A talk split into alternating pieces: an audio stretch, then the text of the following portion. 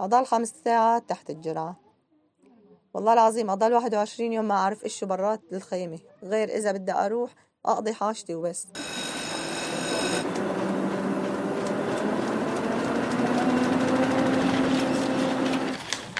عنب بلدي بودكاست سوريا بالمركز الخامس من بين دول غرب آسيا بعدد الإصابات بأمراض السرطان بالنظر لعدد السكان. بحسب تقرير صدر بسنة 2018 للوكالة الدولية لبحوث السرطان التابعة لمنظمة الصحة العالمية. 195 مصاب بهالمرض من بين كل 100 ألف سوري وللأسف منهم 105 وفيات. بالمناطق الشمالية الغربية من سوريا في فقر بالمنشآت الطبية اللي بتعالج الأمراض الخبيثة مثل هالمرض. ومنزيد على هالمشكلة الإحباط واليأس يلي بيعيشهم المريض من بداية معرفته بمرضه. كيف إذا كانت أمه حاملة مسؤوليات كبيرة؟ عيلة وأطفال. هذا غير الوضع المعيشي يلي أساسا غير صحي بالحالات الطبيعية اللي هو وجودها بمخيم مو متوفرة فيه مقومات الحياة الصحية. ظروف صعبة عاشتها عبير مع هالمرض بالمخيم. رح تحكي لنا تفاصيلها بهالحلقة.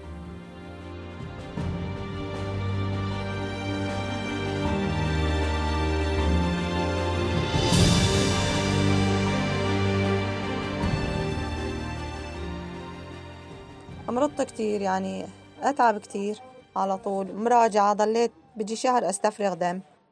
إي والله رحت على دكتور بقرقاني أعطاني دواء كله مسكنات.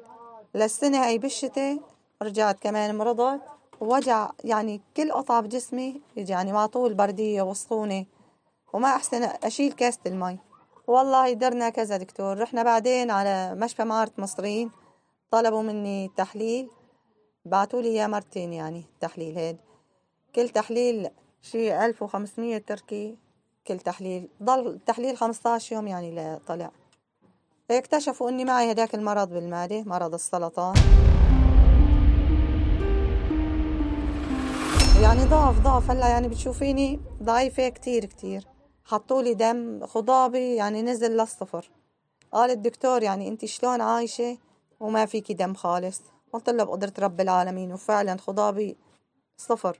حطولي كيلوين دم وأربع أكياس سيرون ضليت ثلاث أيام مشفى معرض مصرين بعد اللي عرفته عبير خافت. التفكير بلش يوجعها أكتر من الألم اللي حاسسته.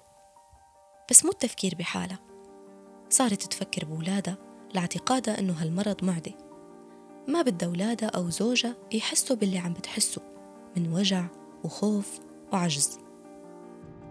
إيه لما اكتشفت هذا المرض يعني؟ صابتني حالة نفسية لا أحكي مع حدا.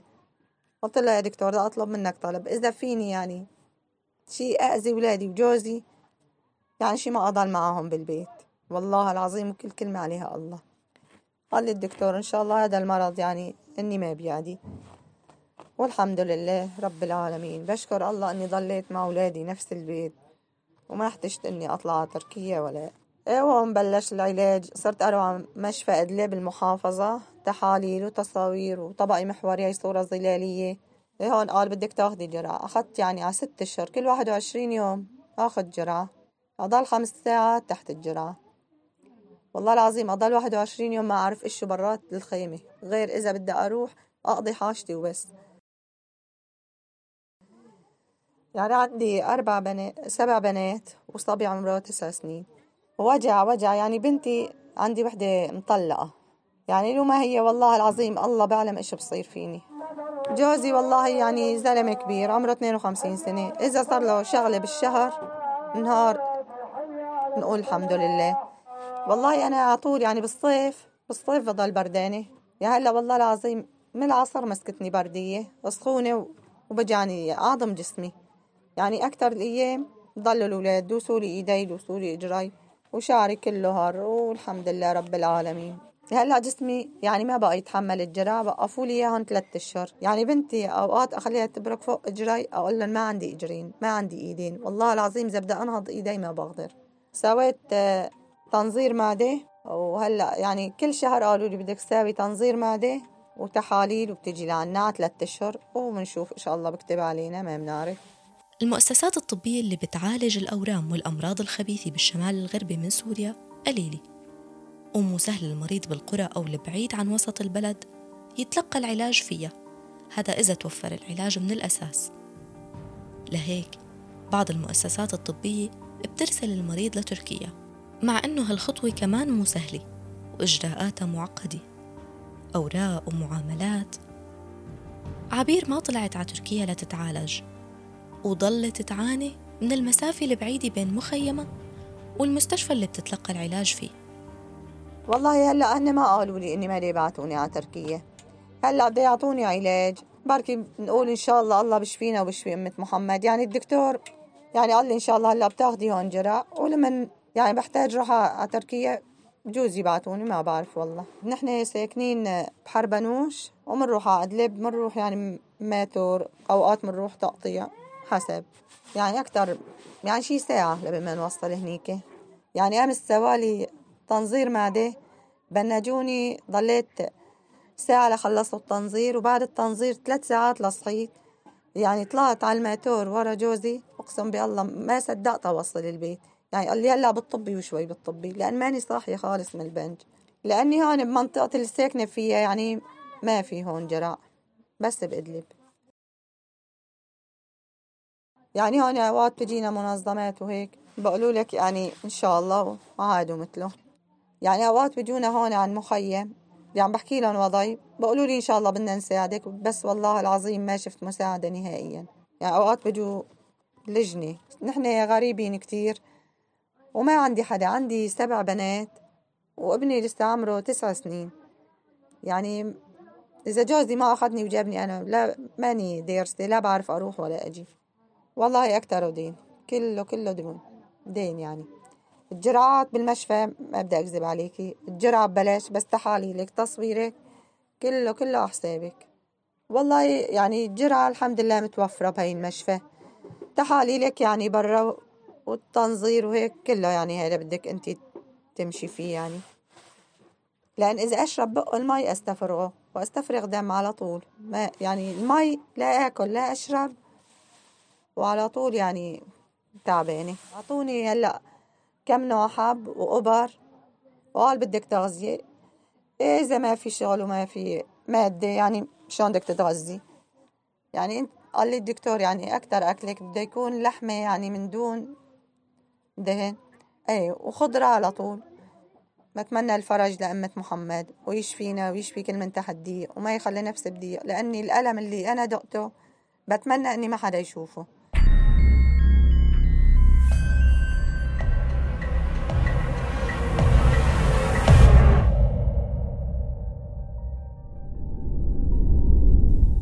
الوضع عم بيزيد سوء مع ازدياد عدد المرضى وضعف الإمكانيات الطبية. لحتى نعرف شو الحلول المتوفرة والممكن توفيرها لتسهيل تلقي العلاج حكينا مع غياس مارتيني المنسق العام لجمعية الأمل لمكافحة السرطان بالداخل السوري وبتركيا كمان. هلا البنية التحتية فيما يتعلق بالمتعلقة بوزارة الصحة أو بالمشافي فهي محدودة يعني. ما فيها الإمكانيات الكبيرة. في عدة مشافي ممكن فيها يتم التشخيص الأولي. والعلاج يعني في المرحلة الأولى يعني كبروتوكول أول يعني لبعض السرطانات.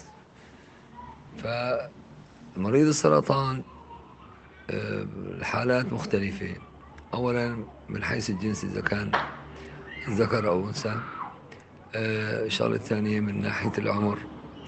إذا كان آه، دون 18 أو فوق 18 الإمكانية الثالثة آه، موضوع المتوفر الدعم اللوجستي المتوفر في الداخل.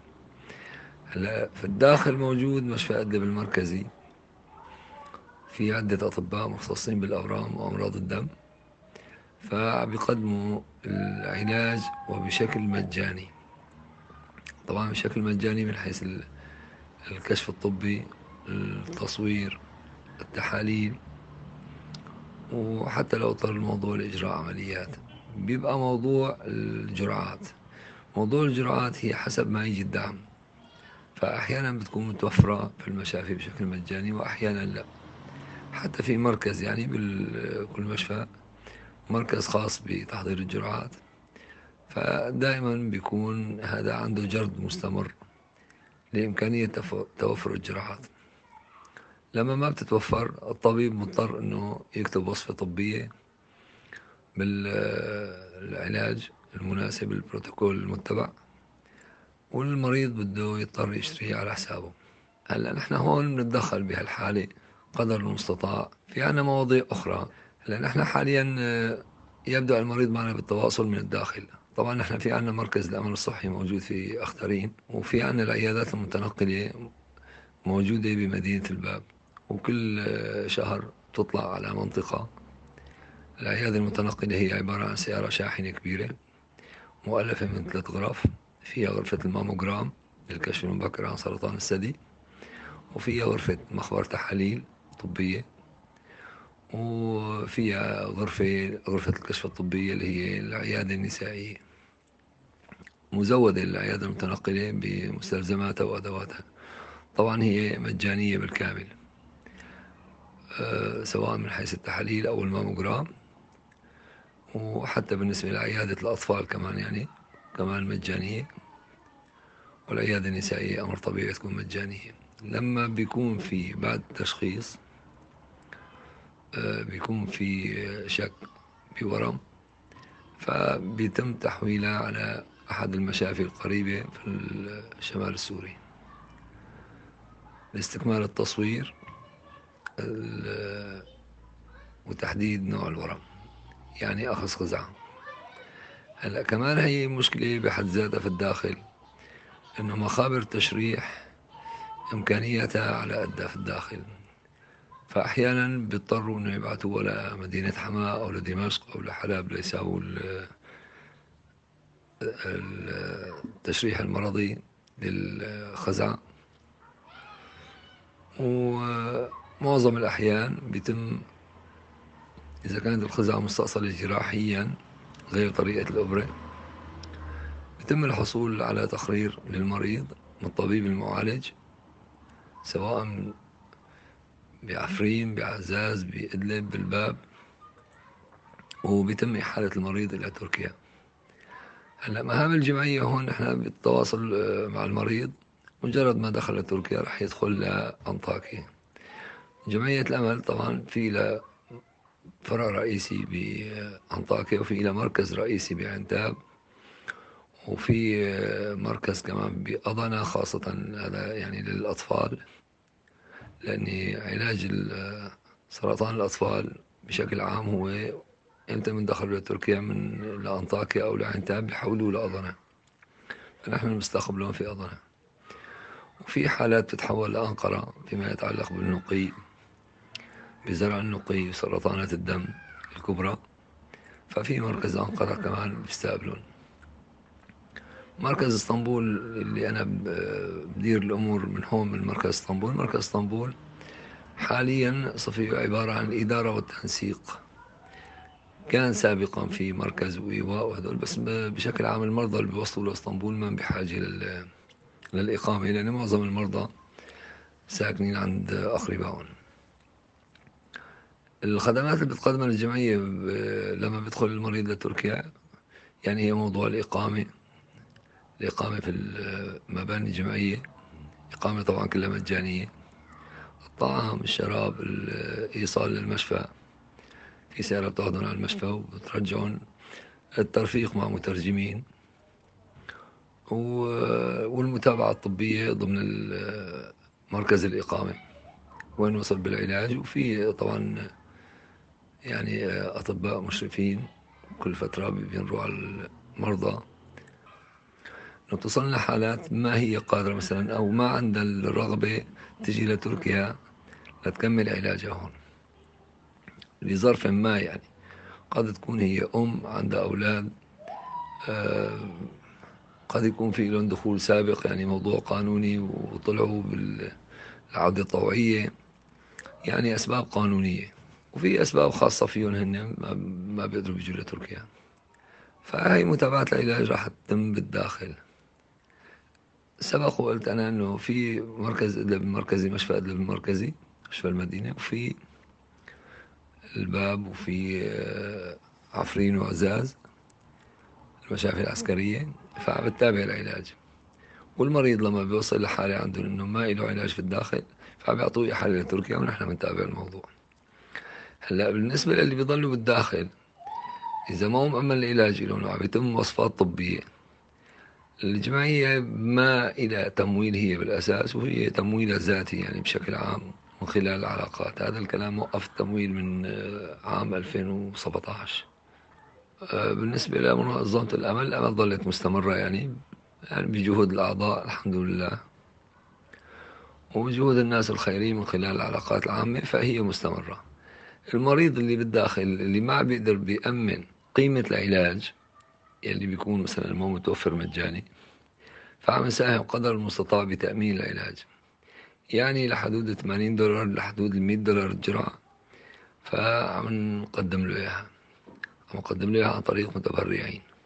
المبالغ الكبيرة يعني هذا الموضوع بصراحة أكون صريح معك ما عندنا الإمكانية إنه نغطيها. يعني لما تكون الجرعة يكون الدكتور كاتب يعني بروتوكول نموذجي عالي المستوى. الجرعة تكون تقريبا 250 يورو. والمريض أقل شيء بده ست جرعات. فهذا الموضوع يعني صعب. ممكن نساهم نحن بجزء من قيمة الجرعة. فيما يتعلق موضوع الرنين المغناطيسي والتحاليل والتصوير المشافي عم بتأمن. بشكل عام عم بيأمنوا. وحتى اللي ما عم بيتأمن له كمان عم نقدم له المساعدة. نحن لما بيكون في عنا متبرع ما يعني مثلا الأسبوعين الماضيين عندي متبرع تكفل بخمس أطفال سرطان بمتابعة علاجهم. فعنا رجعنا للداتا في عنا أطفال أهاليهم ما بيقدروا بي يصرفوا على علاجهم. فكفلنا خمس أطفال في الموضوع هذا. موضوع إنه مين بده يدعم بالعلاج؟ دعم ما في. إنما المريض لما عم بيتواصل معي بيكون عنده وصفة طبية بدها تأمين. عم نحاول قدر المستطاع إنه نأمن له العلاج. ويعني عملنا يصطدم دائما بالقوانين التركية من جهة بالقوانين الدولية من جهة بالإمكانيات اللوجستية الموجودة من جهة بتفرد المنظمات في العمل. يعني وهي مشكلة كبرى يعني موضوع تفرد المنظمات إنه كل منظمة بدها تطوف على الثانية إنه شوفوا أنا عم بشتغل والتصوير ما بيهمنا نحن هذا الموضوع يعني فمانعين التصوير. ممكن نحن نصور مريض يكون بده تبرع آه، بشخصه محطوط رقم تليفونه. يعني في عنا إشكاليات كبيرة يعني في موضوع متابعة المرضى. لوجستية وتنظيمية وأخلاقية ومادية إنما بشكل عام أنا بالنسبة إلي شخصيا عم بحكي رقمي متاح. يعني في ناس كتير بتتواصل معي وبيحكي لي عن مريض هيك. يا أخي خلي المريض نفسه يتواصل معي مباشرة. يعني حتى كاتبها حالي يعني. خلي المريض يتواصل معي مباشرة لأني أنا أقدر أنه أتابعه لسه بدك تحكي معي وتنقل لي الصورة وأنا أرجع أعطيك الصورة وترجع تنقل له إياها. فأي ما شغلتك أنت بيهمك المريض أنه ينخدم.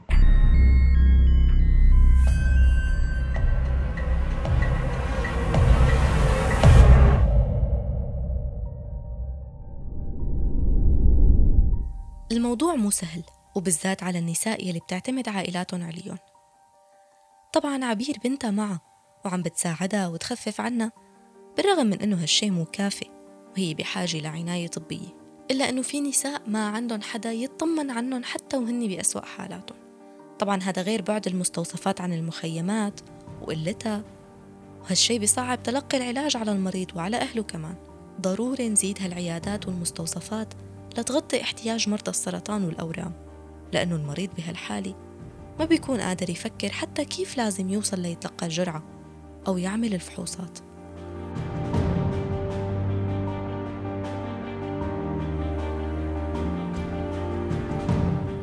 خلصت هالحلقة من بودكاست من جوا بس لسه في قصص كتير مخباية. إذا حابين تسمعوها استنونا بالحلقات الجاي. فيكن تسمعوا الحلقات من خلال موقع عنب بلدي بودكاست أو عبر منصاتنا على Apple Podcast Google Podcast SoundCloud و Stitcher. كنت معكم أنا سكينة المهدي من عنب بلدي بودكاست.